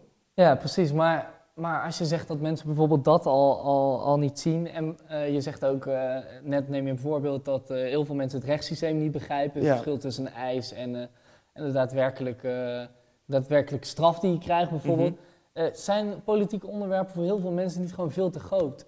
Eh, misschien ook wel voor mij, ook misschien ook wel voor jou. Ik, Ja. wil, ehm, ik weet niet alles van het rechtssysteem. Nee, ik ook niet hoor. Eh, jij misschien meer, bij wijze van spreken. Of eh, stel je voor, mijn buurman die weet veel van geschiedenis. Mhm. Ehm, en eh, ik wat minder. Als je het zo weet, iedereen toch een beetje. je zou er toch vanuit moeten gaan dat de mensen in politiek, die zijn daar zoveel mee bezig, elke dag. Ehm, ik ben er wel voorstander van dat ik gewoon zeg, ik, zij nemen de verantwoordelijkheid voor mij. Na vier jaar kan ik weer zeggen, eh, ehm, ben ik daar blij mee? Ja, maar dat is dus het punt. Ehm, wat nou op een moment dat, ehm, dat je op een gegeven moment tot de conclusie komt dat wat zij doen niet in jouw voordeel werkt? Want dat is nu het hele probleem. Dan zou je referenda Er is- moeten organiseren, bij wijze van spreken. Nou, het is hetzelfde als jij bijvoorbeeld eh, in een klas zit en jij moet je diploma halen. En eh, de leraar zegt, nou hier zijn de boeken en over vier jaar eh, mag je examen afleggen. Wat gebeurt er dan? Denk je dan echt dat je die lessen goed gaat volgen? Nee, de, omdat er is geen monitor. Dus je hoeft niemand verantwoording af te leggen. Als jouw huiswerk niet wordt gecontroleerd, dan maak je het niet. Punt. nee. En dat is wat er nu gebeurt. Wij kunnen ze één keer in de vier jaar verantwoording roepen. Eén keer in de vier jaar kunnen wij checken of, we, of ze hun huiswerk hebben gedaan. En dan weten ze zich alsnog eromheen te lullen. Of komen ze alsnog met een excuus van de hond heeft het opgegeten. Dus, en dat is dus precies het punt. Is wij zitten in een... In een, in een in, het, het werkt gewoon niet in ons voordeel. Te vaak komen er dingen naar, naar buiten. Dat, eh, dat er gefraudeerd is. Dat er geld wordt weggesluist. Dat er oneerlijke deals worden gesloten. Dat er geheime commissies zijn. Dat er eh, dubbele agenda's zijn. eh, de hele, hele reutemeteut. En we zien gewoon dat deze mensen ons niet vertegenwoordigen. Ze vertegenwoordigen hun eigen portemonnee. Als het gaat om belangrijk iemand, je kunt ook gewoon monitoren. Je kunt zien bij welke onderwerpen hoeveel mensen er in die kamer aanwezig zijn. En dan Ja. zie je gewoon dat bij dingen die ons echt aangaan, dat ze er niet zitten. Ja. En daarom heb ik iets van, ja, dit is dus het punt. En op het moment dat jij iedere dag zou kunnen stemmen, is misschien iedere dag wel heel erg extreem. Misschien ieder jaar of iedere maand of iets dergelijks. Maar door, waardoor het dus, dat er meer verantwoording bij de burgers komt. En dat die, die overheden gewoon meer naar ons toe moeten werken. Maar die verantwoordelijkheid moet je ook pakken, toch? Als burger. Stel nou voor, je wil inderdaad elke keer op de hoogte zijn wat een partij voor je doet. Ja, Ehm, eh, jij hebt denk gestemd. ja. Ehm, eh, dan kun je in principe kun je gewoon vinden op het internet eh, wat zij voor jou doen. Wat zij stemmen voor moties en dat soort dingen. ja. Als mensen daar al niet de stap nemen om daar te gaan kijken, wat, wat doet een partij nou eigenlijk voor mij? Eh, als ze al geen partijprogramma's lezen, Mhm. dan kun je toch ook niet van mensen verwachten dat ze, dat ze elke dag gaan stemmen over misschien wel de eh, zaken die misschien wel voor de wereld, eh, voor heel Europa belangrijk zijn. Of voor misschien 16 miljoen mensen. Ja, en daar ligt dus het stukje mentaliteit inderdaad. Dat wij gewoon eigenlijk misschien wel te weinig ermee bezig zijn. Of te weinig eh, inhoudelijk verdiepen in wat er nou precies gebeurt. En dat heeft natuurlijk daarom, het populisme wint steeds van ons, van, van mensen hun research eigenlijk. Omdat er partijen eh, roepen maar de hele tijd wat. Ja. En dat nemen we dan maar aan. Terwijl als we echt inhoudelijk gaan kijken van wat er gebeurt en wie stemt wat en wie, voor welke motie staat welke partij achter. En dan kom je erachter dat de partij waar je op hebt gestemd niet altijd soms tegen dingen stemt, waardoor jij je huis zelfs zou kunnen verliezen. Ja. Als bijvoorbeeld, eh, ik weet dat Wilders bijvoorbeeld, eh, dat er bepaalde dingen zijn die zij in, in, in, in, in- qua moties waar zij voor en tegen hebben gestemd, wat ontzettend in de vingers kan snijden van, eh, van de achterban die op hem stemt. Ja. Dus dat is gewoon stom. Ja, en ehm, dan ga ik nog even verder weer met je muziek. Want Ja. ehm, je zegt bijvoorbeeld ook dit. Spreek je mij tegen, dan verdedig jij een leugen. In de tijd van informatie is ontweten tijd een keuze. Waar zouden mensen hun eh, informatie vandaan moeten halen? Ja, dat is een goede vraag. Ehm, ehm, ik denk eh, bij bronnen die, het niet, zo, die niet zozeer ehm, functioneren als verlengstuk eh, van de gevestigde orde. Of in het belang van. Ja. Ik denk dat je daar. eh, en het is lastig Dan zijn dat boeken dan? Of, bijvoorbeeld ook onder andere, maar ook, weet je, er zijn, er zijn gewoon genoeg alternatieve platformen die content aanbieden die... En, en zelfs daarin moet je selectief zijn hoor, want eh, je hebt ook gewoon heel veel conspiracy eh, dingen, en zo zeggen, waar ik het ook niet mee eens ben. Er zijn ook heel veel platformen die geloven in reptilians en dat soort dingen. ja. En daar heb ik totaal helemaal niks mee. Ik denk van ja, whatever man. Dus ook daar moet je selectief in zijn. Dus het is lastig. Maar het, het ding is, de informatie, eh, laat ik het zo zeggen, de waarheid is wel beschikbaar. ja. En Maar geloof jij in de waarheid? dat, is, dat, is een, dat is een vrij filosofische vraag.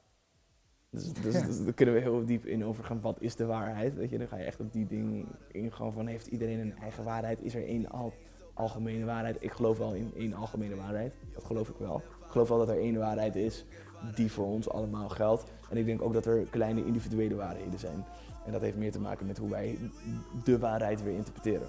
Ja. Dus ik denk dat er één globale waarheid is. En hoe wij die waarheid interpreteren, dat is onze eigen vorm.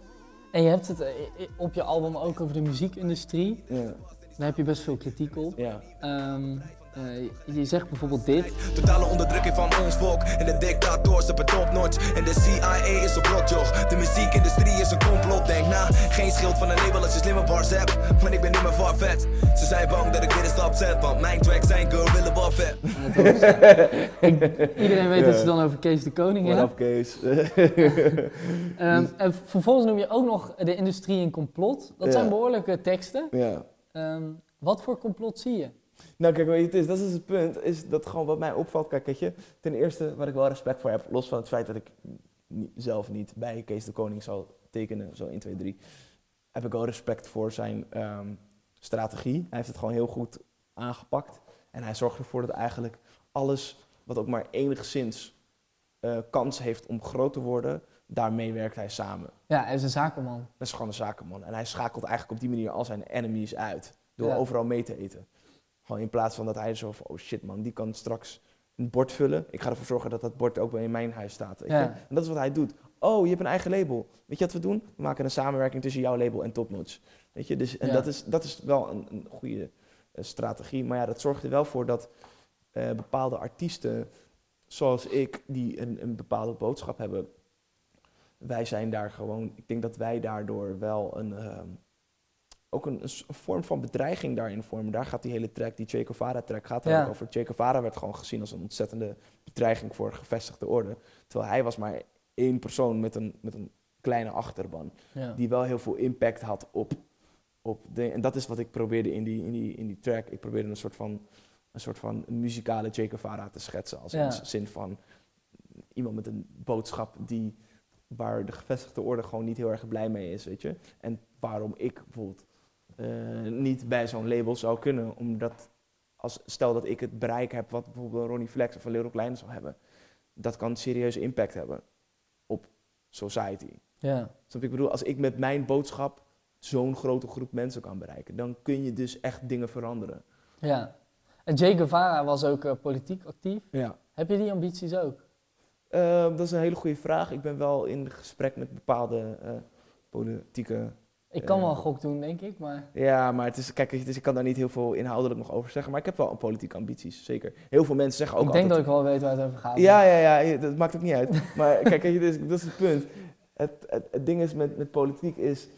ehm, ik, ik, ik heb een hekel aan politici, maar aan de andere kant vind ik het ook wel weer een soort van interessant. En heel veel mensen zeggen altijd aan, tegen mij van ja, je moet echt de politiek in. En, eh, Eh, als je een boodschap wil uitdragen eh, of Ja, verandering wil brengen, is dat wel de plek, denk ja, ik. is dat inderdaad de plek. En ik heb er echt wel eens over nagedacht. Mensen zeggen, ja, je moet echt, echt politicus worden. En, en, weet je. en omdat ik ook heel goed kan debatteren, zal ik maar zeggen. Dus ook, voor, ik zie soms gewoon, ik kijk, wel, ik kijk wel eens gewoon dingen op uitzending gemist toch. En dan zie je ook bepaalde politici over bepaalde onderwerpen. En ik denk van, als je met mij nu aan een tafel had gezeten, had je echt, had je echt voor lul gestaan. Omdat ik, ik, het ding is ook met, met, met, met debatteren, de kunst van debatteren zit in luisteren. Ja. De grootste, de, de sterkste kant van debatteren en counteren zit hem puur in luisteren. En niet in, in, in steeds zelf aan het woord zijn. En dat is wat heel veel mensen niet begrijpen van debatteren. Is dat hoe meer ze zeggen, hoe, hoe sterker ze denken over te komen. Maar de kracht zit hem juist in door te luisteren naar anders zeggen. Want hoe langer de ander praat, hoe groter de kans is dat hij een fout gaat maken in Ja. wat hij zegt. En daar, en dan is het pap, daarop schakelen steeds, daarop schakelen, weet je. Dus ik, ik denk wel dat dat eh, op, op, op gebied van eh, debatteren en zo, dat dat ontzettend in mijn voordeel zou werken, zeker. Maar voor sommigen zit ook volgens mij de kracht in juist helemaal niet luisteren, waardoor ze geen antwoorden ge- hoeven geven op vragen. Ja, dat klopt. Dat, maar ja, dat, het, is, het, is, het is twee kanten op te spelen, weet je. Eh, bijvoorbeeld een Wilders is daar een perfect voorbeeld van, die gewoon eigenlijk nul campagne heeft gevoerd en meer zetels heeft gepakt dan ooit. Ja. En ehm, bijvoorbeeld Denk was op een gegeven moment de laatste dag waren ze niet met Jan Roos in discussie gegaan. En heel veel mensen, ook die op Denk eh, gingen stemmen, die vonden dat toch heel erg jammer dat, dat, hij, niet, dat hij niet het debat was aangegaan. Maar later heeft, eh heeft heeft heel duidelijk aangegeven waarom hij niet eh, in debat is gegaan. Ja, En dat had puur te maken met van ja, weet je, als ik hem, als we hem dat, die tafel hadden gegeven en hij had weer een bepaalde frame gebruikt, dan had het hem nog waarschijnlijk zetels opgeleverd ook. ja. En nu hebben we Jan Roos niet in de Kamer zitten. Dus het, Ja. heeft, het was een strategie, hij heeft een doelbewuste ja, keuze Maar- gemaakt daarin. Maar het is toch nooit goed om niet eh, in debat te gaan met mensen? Soms wel. En dat is omdat... Vind je echt dat hij in dat Ja. geval eh, Ja. dat het een slimme En ik zal, ik zal een heel simpel voorbeeld geven. En, en, en, eh, en, en ik als iemand die dyscalculie heeft, of niet goed in rekenen is, hoeft niet in discussie te gaan met een, een, een, een raketgeleerde Nee. over, over astrologie en over hoe een, hoe een, hoe een, hoe een, hoe een schu- een shuttle eh, moet functioneren in, in ruimte. En op het moment dat de wereld draait door, of wie dan ook dit faciliteert, en zegt ja, Inseno moet in discussie met een raketgeleerde, dan valideer jij mij. Alsof mijn mening daarover relevant is. Ja, Terwijl deze man is gewoon een ontzettende racistische homofoob, xenofoob, Ja. en waarschijnlijk ook nog een seksist. En, je hoeft hem, en op het moment dat je hem een podium geeft en met hem in debat gaat, dan erken je eigenlijk dat wat hij te melden heeft, dat dat relevant is op wat voor manier dan ook. En nu door te zeggen, ik ga niet met jou in discussie en je distancieert je jou helemaal daarvan, erken je hem eigenlijk niet. ja. En dat is denk ik wel een goede strategie om gewoon dat soort personen gewoon totaal niet te erkennen. Maar je kan iemand toch ook totaal niet erkennen als je gewoon puur op feiten iemand weet. Ja, maar dat is dus het punt. In, in, in dit geval kan een denk kon alleen verliezen. Omdat het, het, het gaat dan weer de hele tijd over Erdogan, Erdogan, Erdogan en nog eens Erdogan. En vervolgens pakt zo'n Jan Roos pakt zetels. Ja. Dus het Maar je kan het hebben over waar je het over wil hebben. Je zegt net, Nee, eh, je dat- vindt hem homofoob. ja, maar dat, dat, is in, in. Nederland is dat eh, niet eh, een heel populair standpunt. Nee, gelukkig. maar we hebben allemaal kunnen zien hoe Jan Roos al meerdere malen keihard is aangepakt daarvoor. En nog steeds zijn er mensen die op zo'n debiel stemmen. Dus het heeft niet het gewenste effect. En Terry Baudet is al helemaal erg. Die heeft echt zieke uitspraken gedaan over, over verkrachtingen. Dat vrouwen daar wel, klaar van komen en zo. Ja, ja. En nog stemmen mensen op hem. Dus het heeft geen effect. Dat is dus het punt. Eh, rechts kan niet rechts genoeg zijn in dit geval. ja. Maar die uitspraak van Baudet kwam uit een roman, begreep ik toch? Die hij had geschreven.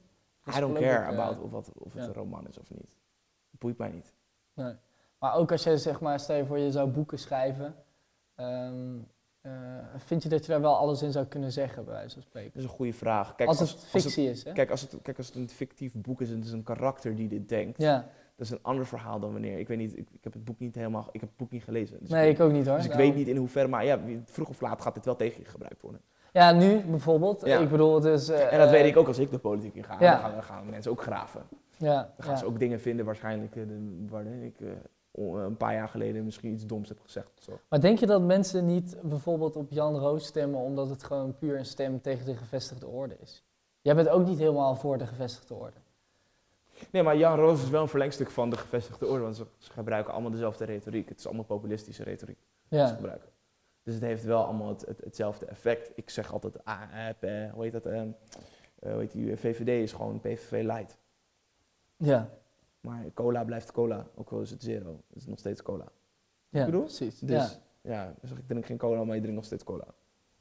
Dus als je Coca-Cola zero drinkt. Ja. Dat is hoe ik het zie. ja, je zegt ook een paar keer in tracks ehm, dat je wacht op een soort revolutie. Ja. Wat voor revolutie zie je dan voor je? Ja, kijk, de, de beste revolutie hoe ik hem zie is gewoon dat op het moment dat iedereen beseft dat geld juist de oorzaak is van dit allemaal. En dat we met z'n allen gewoon het geld terugbrengen naar de bank. Allemaal, alles, iedereen. Iedereen pint zijn rekening leeg en legt het terug bij de, bij de bank, alsjeblieft. Doei. Dat is het best. Dat is de beste revolutie die ik me kan voorstellen, want dan heb je gelijk klassisme ook eruit. Oké, op het moment, dat is dus het punt. Deze hele vorm van macht kan alleen bestaan doordat wij geld valideren. En Ja. dat wij als mensen geld erkennen als betaalmiddel. Maar als wij allemaal zeggen, no man, dit is niks meer waard, dan is het klaar. In één keer. Is alles in één keer voorbij. Dat is de beste revolutie die ik mezelf kan inbieden. Eh, Is dat realistisch? eh, in theorie ja, maar ook weer nee. Omdat het, het is, omdat wij hebben niet de, de, kijk dat is dus het punt. Ehm, een simpel voorbeeld hiervan is eh, Bill Cosby, die op een gegeven moment eh, network stations wilde kopen. En ik weet dat Bill Cosby, als hij die network stations tot zijn beschikking had gehad, dat hij hele toffe dingen had kunnen doen. Ja. En mensen aware had kunnen maken over bepaalde dingen, omdat je hebt macht. Als je bijvoorbeeld, tv is een van de machtigste wapens die er ooit is gebouwd. Weet je. Het feit dat je dingen kunt uitzenden, maar wij, Maar je hebt nu YouTube bijvoorbeeld. ja, maar Dat kan minimaal net zo machtig worden, toch? nee, want wie, wie beheert YouTube? En op het moment dat, stel dat ik echt een message heb die echt een bepaald soort gevolg hebben, dan kan het zijn dat, dat gebeurt zelfs al, dat dingen worden verwijderd van YouTube. Ja. Of dingen worden geblokt op Facebook. Dat hebben we toen kunnen zien met die clip van Fresco. Nou weet, geloof ik ook nog wel ergens dat dat misschien een, eh, een, een, een dingetje is geweest dat het expres is gedaan om een buzz te creëren. Dat geloof ik nog wel. Dan is het een hele goede Dat zou heel marketing. slim zijn, ja. Dat is een hele goede marketingaanpak. Maar nog steeds, dat soort dingen gebeuren wel. Iemand zegt iets en, en, of iemand vindt iets, post dat op een eigen ding, op een YouTube-link of op whatever. En vervolgens zegt Facebook, je mag het niet meer, eh, mag het niet meer delen. Ik Ja. heb heel vaak dat mijn, mijn, eh, de dingen die ik zeg, dat die viral gaan op Facebook. En dat ik vervolgens word geblokt voor 30 dagen. Terwijl ik niks ergens heb gezegd. Ik heb alleen inhoudelijk een soort van eh, awakening proberen te creëren. Ja, En dat heeft dan het effect dat je dan vervolgens wordt geblokt op Facebook en 30 dagen niet kunt posten. ja. Maar je kan er ook altijd voor kiezen om geen Facebook te gebruiken. Ja, maar het, het, het feit is wel dat wij allemaal Facebook gebruiken en dat het een hele makkelijke medium is om mensen te bereiken. Ja. En ehm, ja, ik liefst zou ik een eigen medium willen hebben en dat daar alle mensen dan op zitten, maar ja, dat moet je dan wel creëren. En dan, Ja. dan moeten mensen ook registreren en zo en dat is, het is gewoon een gedoe. Oh, volgens mij is YouTube ook van Google, toch, bijvoorbeeld? Ja, Dan, ehm, eh, wat zou dan de oplossing zijn? Want je, want je zou dan zeggen, ehm, dat soort dingen worden dan geblokt. Als je nou echt een message hebt die misschien niet eh, veel, veel, eh, veel verspreid wordt op bijvoorbeeld eh, een plek als YouTube. Mhm. Eh, waar zou dat dan wel kunnen? Want je zegt de tv is dan een machtig medium, maar ook de tv is natuurlijk, heeft natuurlijk mensen die dat in de hand hebben. ja en Je dat kan niet punt. zomaar alles op tv brengen. Nee, en dat is het punt. Jij en ik kunnen geen kanaal kopen. Nee.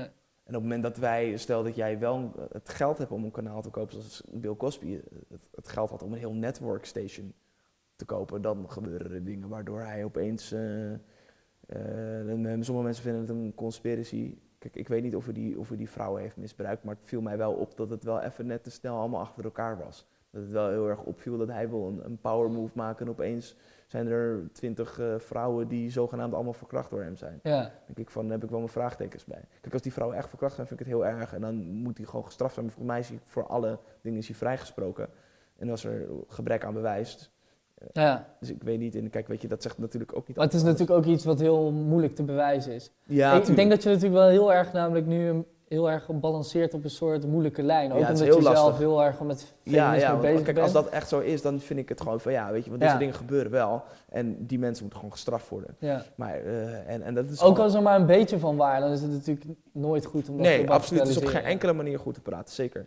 Eh, en, eh, maar je ziet wel dat, en dat is dus wel het ding, en ik zie ook een patroon erin. Dus Bill Cosby is een van, die maker van eh eh, Bird of a Nation. Toen hij op een gegeven moment, hij is ook op een gegeven moment ook zijn oude rechtszaak van hem, die hij had gewonnen. Zal maar zeggen, was hij ook beschuldigd van verkrachting of zo. Maar die heeft hij gewonnen. En vervolgens is die, die rechtszaak opnieuw geopend eh, een week voor de release van die film. Ja. Dus denk ik van oké, dat is ook weer zo. En Julian Assange is ook beschuldigd van Maar is het niet zo dat als je in de media komt, ehm, dat zie je ook met politici, Ja. ehm, dan gaan mensen gewoon zoeken. ja. En is het dan niet gewoon pure toeval dat het dan... Kijk, stel je voor, jij komt eh, morgen in de krant eh, met een eh, bepaald artikel. Ehm, dan gaan mensen denken, wie is dat ook alweer? En dan gaan ze zoeken en dan gaan ze dingen vinden die je hebt gezegd. En dan zo, dan komt er misschien een week later een artikel Ja, over jij eh, bij Out Battles, waarin je ze die quote pakken bij wijze van spreken. ja, dat kan. Ja, dat is dan toch gewoon, dat is dan toch gewoon Ja, journalistiek dat werk reden, ook. dat is misschien ook precies de reden waarom ik niet de politiek in ga. Of niet wil gaan. Of misschien niet als politicus. Omdat ik weet dat dit soort dingen gebeuren. En ik vind dat gewoon fucking irritant. Ja. Ja. En dan gaan we naar, eh, naar het laatste onderwerp wat ik heel graag met je wilde aansnijden. Ja. In de, de track indoctrinatie. Daar zeg je dit. Niet dat ik echt filosofische teksten schreef, maar ik geloof gewoon niet echt in het monetaire systeem. Het kolonies werken nog steeds tussen roven, Afrika leeg en ook. Iedere plek met olie kent de problemen. dus- Eh, waar denk je dat dit, waar dit soort grote onderwerpen eh, gekanteld zouden kunnen? Waar, waar het zou kunnen veranderen voor jou? Voor mij, kijk, dat is dus het punt. ehm, het is wel eens in het verleden geprobeerd. Eh Gaddafi is daar een goed voorbeeld van. Ja. Die op een gegeven moment zegt, weet je wat, Amerika, ik vind het allemaal leuk, maar we gaan vanaf nu weer lekker in goud betalen. Ja. Ik heb niks aan jullie, n- ja, zakkende dollar eigenlijk. En vervolgens is Gaddafi vermoord. Omdat eh, het, gaat om, het gaat om grondstoffen. En kijk, dat is dus het ding. De frame van Afrika is dat het derde wereldcontinent is. Het wordt ten eerste neergezet land, terwijl het heeft 52 landen. Het is een continent. Of nee, het heeft 54 landen, sorry. Ehm, het, is het is een continent. Eh, maar het wordt neergezet als een, als een armzalig eh, stuk ding waar niks bereikt wordt. Wel, het is alles behalve waar. Er zijn daar gewoon gigantisch veel steden die gewoon beter ontwikkeld zijn dan New York. Bijvoorbeeld, alle grondstoffen komen daar vandaan. De meest belangrijke dingen eh, zoals coltan, wat in je telefoon zit en in je laptop. Alles om, om, om, om apparatuur te laten werken. Daar zijn bepaalde grondstoffen voor nodig die in Afrika zijn. Maar het is heel apart dat de mensen die beschikking hebben tot de grondstoffen, dat die daar niet van kunnen profiteren. Nee. Dat is heel apart. Ja, dat is- de wereld is, die wereld is natuurlijk afhankelijk ook, ook van ons. Als je kijkt, hier heb je bijvoorbeeld eh, ehm, Nee, dat is het punt. grote winkelketens. eh, Ja. ik noem geen namen, maar grote nee, maar winkelketens die Afrika is hele dus af- goedkope... af- afhankelijk van ons. Nee. Dat, is, dat, is, dat is de grootste illusie die we onszelf hebben wijsgemaakt. Maar dat is niet waar. Afrika is juist beter af zonder alle Europese invloeden. De ja, precies, maar toch is de situatie zo. Ja, op dit moment ja, maar dat komt omdat er geen eerlijke handel wordt gedreven. Ja. Op het moment dat er eerlijke handel wordt gedreven, daar denk ik dat het begint. Als je het boek leest, eh, How Europe Underdeveloped Africa van Walter Rodney, is best wel een interessant boek. Ja. Dat zoomt hier heel erg op in, op dit soort shit, weet je. Dat het gewoon, wordt gewoon geen eerlijke handel eh, gedreven. En Europa heeft gewoon ontzettend bijgedragen aan de onderontwikkeling van Afrika. In plaats Ja, nee, precies. Want we, uiteindelijk hebben we er baat bij. Ja, Omdat eh, dan kunnen we inderdaad goedkope kleren kopen, ja relatief dat is en gewoon, dat soort dingen. weet je wel, de Milka-reep is gewoon 2 euro. Ja. Of zo, weet je. Terwijl het is gewoon apart dat als jij gewoon ziet dat zo'n zo'n zak met eh, van die, van die, eh, die cacao eh, dingen, zou ik maar zeggen. Zo'n zak waar ze gewoon, ik weet niet hoe duizenden repen uithalen, dat, dat, dat daar wordt ingekocht voor 80 cent. ja. En dat zo'n persoon die die dingen de hele dag plukt en shit, dat hij gewoon nog nooit fucking chocoladereep heeft gegeten in zijn leven. Maar dat omdraaien, dat wordt heel lastig, denk ik. Ja, en dat heeft dus te maken met macht. En eh, wil je, ben je voor macht of ben je voor humaniteit? Ben je voor kapitalisme of humaniteit? En Ja. ik denk dat kapitalisme en humaniteit niet samen kunnen. Nee, Ik denk dat kapitalisme altijd ten koste gaat van een ander. En dat is wat je gewoon nu ziet. Wij, wij kunnen zo leven op deze manier, omdat andere mensen daar de lul van zijn. Nou, laten we hem hier eh mee ja, maar daar afsluiten. kunnen we heel diep over ingaan. Ja, maar- precies. Ja, dat dacht ik ook. Ja. Ja, ja ik wil namelijk ehm, het nog hebben over, eh, over de track De Tijd. ja. Ik vraag altijd aan, aan mijn gasten om, om een van de belangrijkste tracks voor, voor diegene mee te nemen. Waarom, Ja. is, waarom heb je deze gekozen? Ja, ik zat heel, te, heel erg te twijfelen tussen De Tijd en Dwaalspoor. Dwaalspoor is de titeltrack van het album en die is wat persoonlijker. Die gaat over de ontmoeting van, met mijn vader. Ik draag ook het album op aan mijn vader. Maar eh, De Tijd vond ik, omdat ook om deze hele politieke discussie die we hebben gehad, denk ik ook wel dat De Tijd het best past in wat we allemaal hebben besproken. Ehm, en, eh, en de clip komt vol- waarschijnlijk volgende week al. De clip is nu al af. Nog één, één of twee kleine aanpassingjes. Shout-out naar Barry Oost voor die clips. Hele vette clip geworden. Shout-out naar mijn broertje Sign 51 voor zijn eh, bijdrage eraan. Dus het is heel tof geworden allemaal. En ehm, ja, dus dat is wel een goede, goede verlengstuk voor als die clip komt volgende week. Nou, eh, daar gaan we gelijk naar luisteren. Dit is de tijd eh, van Inseno in samenwerking met Nino. Yes, Ja, voor nu bedankt voor je tijd. ja. En, ehm, tijd. eh, voor, ja, precies. En voor de luisteraar eh, tot volgende week. Dankjewel. Gelogen feiten, ik geloof niet in de overheid. Ik loop vooruit op die koude mensen de zomertijd. Word per seconde wijzer als ik op kijk. Maar hou mezelf klein als ik naar de grote wijs. Ik stel me kwetsbaar op, dus alles doet me zeer. En de knowledge die je keek wordt gebagatelliseerd. Ze zeggen hou je kop bij alles wat ik ze leer. Want ik word gezien als minder en daarom kan ik niet meer. In de ogen van een autochtoon ben ik een allochtoon. Dat spant de kroon en daarom wil ik ze van de troon. Hedendaagse mensen vinden Afrika dom. Terwijl de hedendaagse kennis zegt dat Afrika komt. Van wetenschap, natuurkunde, astrologie, wiskunde, scheikunde tot aan de anatomie. Dus wist je dat de stelling van Pythagoras eigenlijk niet van de Grieken, maar van de Afrikanen was? Ik vraag me af, nou waarom draag ik zo zware tassen? Ga ik naar de klas waar de waarheid weer zwaar wordt aangetast? En doen ze of mijn oorsprong bij de slaven lag, terwijl de eerste hoge beschaving een Afrikaanse was. Niet over nagedacht, ik word gezien als radicaal, maar de grootste radicalen zijn aan de macht. Ik hoef geen medicijnen, ik hou het wel bij aloe vera. En decolonize mijn mind, noem me Sanduera. Te ver voor mijn tijd? Of is dit slechts een besef van de tijd? Ren niet weg van de tijd, de tijd rent weg van mij. Dus ik zeg me altijd, maak een weg voor me vrij. De tijd is geld en dat geldt ook voor mij. Dus als ik tijd maak, is dat geld ook voor mij. Hou me niet met tijd bezig, toch ben ik altijd bezig met vechten en strijd tot wij een betere tijd leven. Kan ik zeggen over de tijd? De tijd is slechts een herinnering voor de massa om te weten waar ze zijn. Maar wat kan tijd zeggen over mij? Ben de tijd te lang ontstegen. Ga niet gebukt, ik blijf overeind. Dit is de tijd waarbij men denkt het moet over zijn. Waarin men niet meer trapt in leugens van de overheid. De tijd waar geschiedenis op school niet blijkt overeen te komen. Yes, en alles gelogen blijkt. Ben verre van een mason, maar kniel niet voor Jezus. Met blauwe ogen uit het boek, dat is geschreven. Wat weet je van 144.000 die geboren zijn en onder ons groeperen om het licht weer licht te geven. Ben jong, maar ben gevallen en er racen diverse waarheden. Verleden valt niet te vernieuwen, dat is zeker. Ben geboren met de gave om te geven, om info over te dragen aan zij die meer informatie willen weten. De mensen zijn nu moe van het slapen. Degene die dit begrijpt, accendeert en is nu aan het ontwaken. De anderen happen gras tot het slachthuis, worden gezien als een product. En hun vacht zullen ze dragen. Ja, welkom in de nieuwe dagen. De tijd van geeft een ezel te veel aandacht. En hij denkt dat hij een paard is. Daarom zijn die nieuwe rappers wazig. En die gouden koers mag Nederland houden. Fuck white supremacy plaatjes. Ben ik te ver voor mijn tijd? Of is dit slechts een besef van de tijd? Ren niet weg van de tijd, de tijd rent weg van mij. Dus ik zeg me altijd, maak een weg voor me vrij.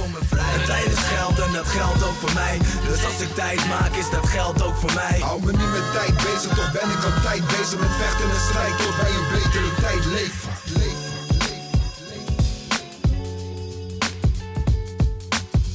Velen van jullie zullen dit later pas begrijpen. Maar het maakt niet uit. Wij zijn er ook voor altijd. En INO. Signing off.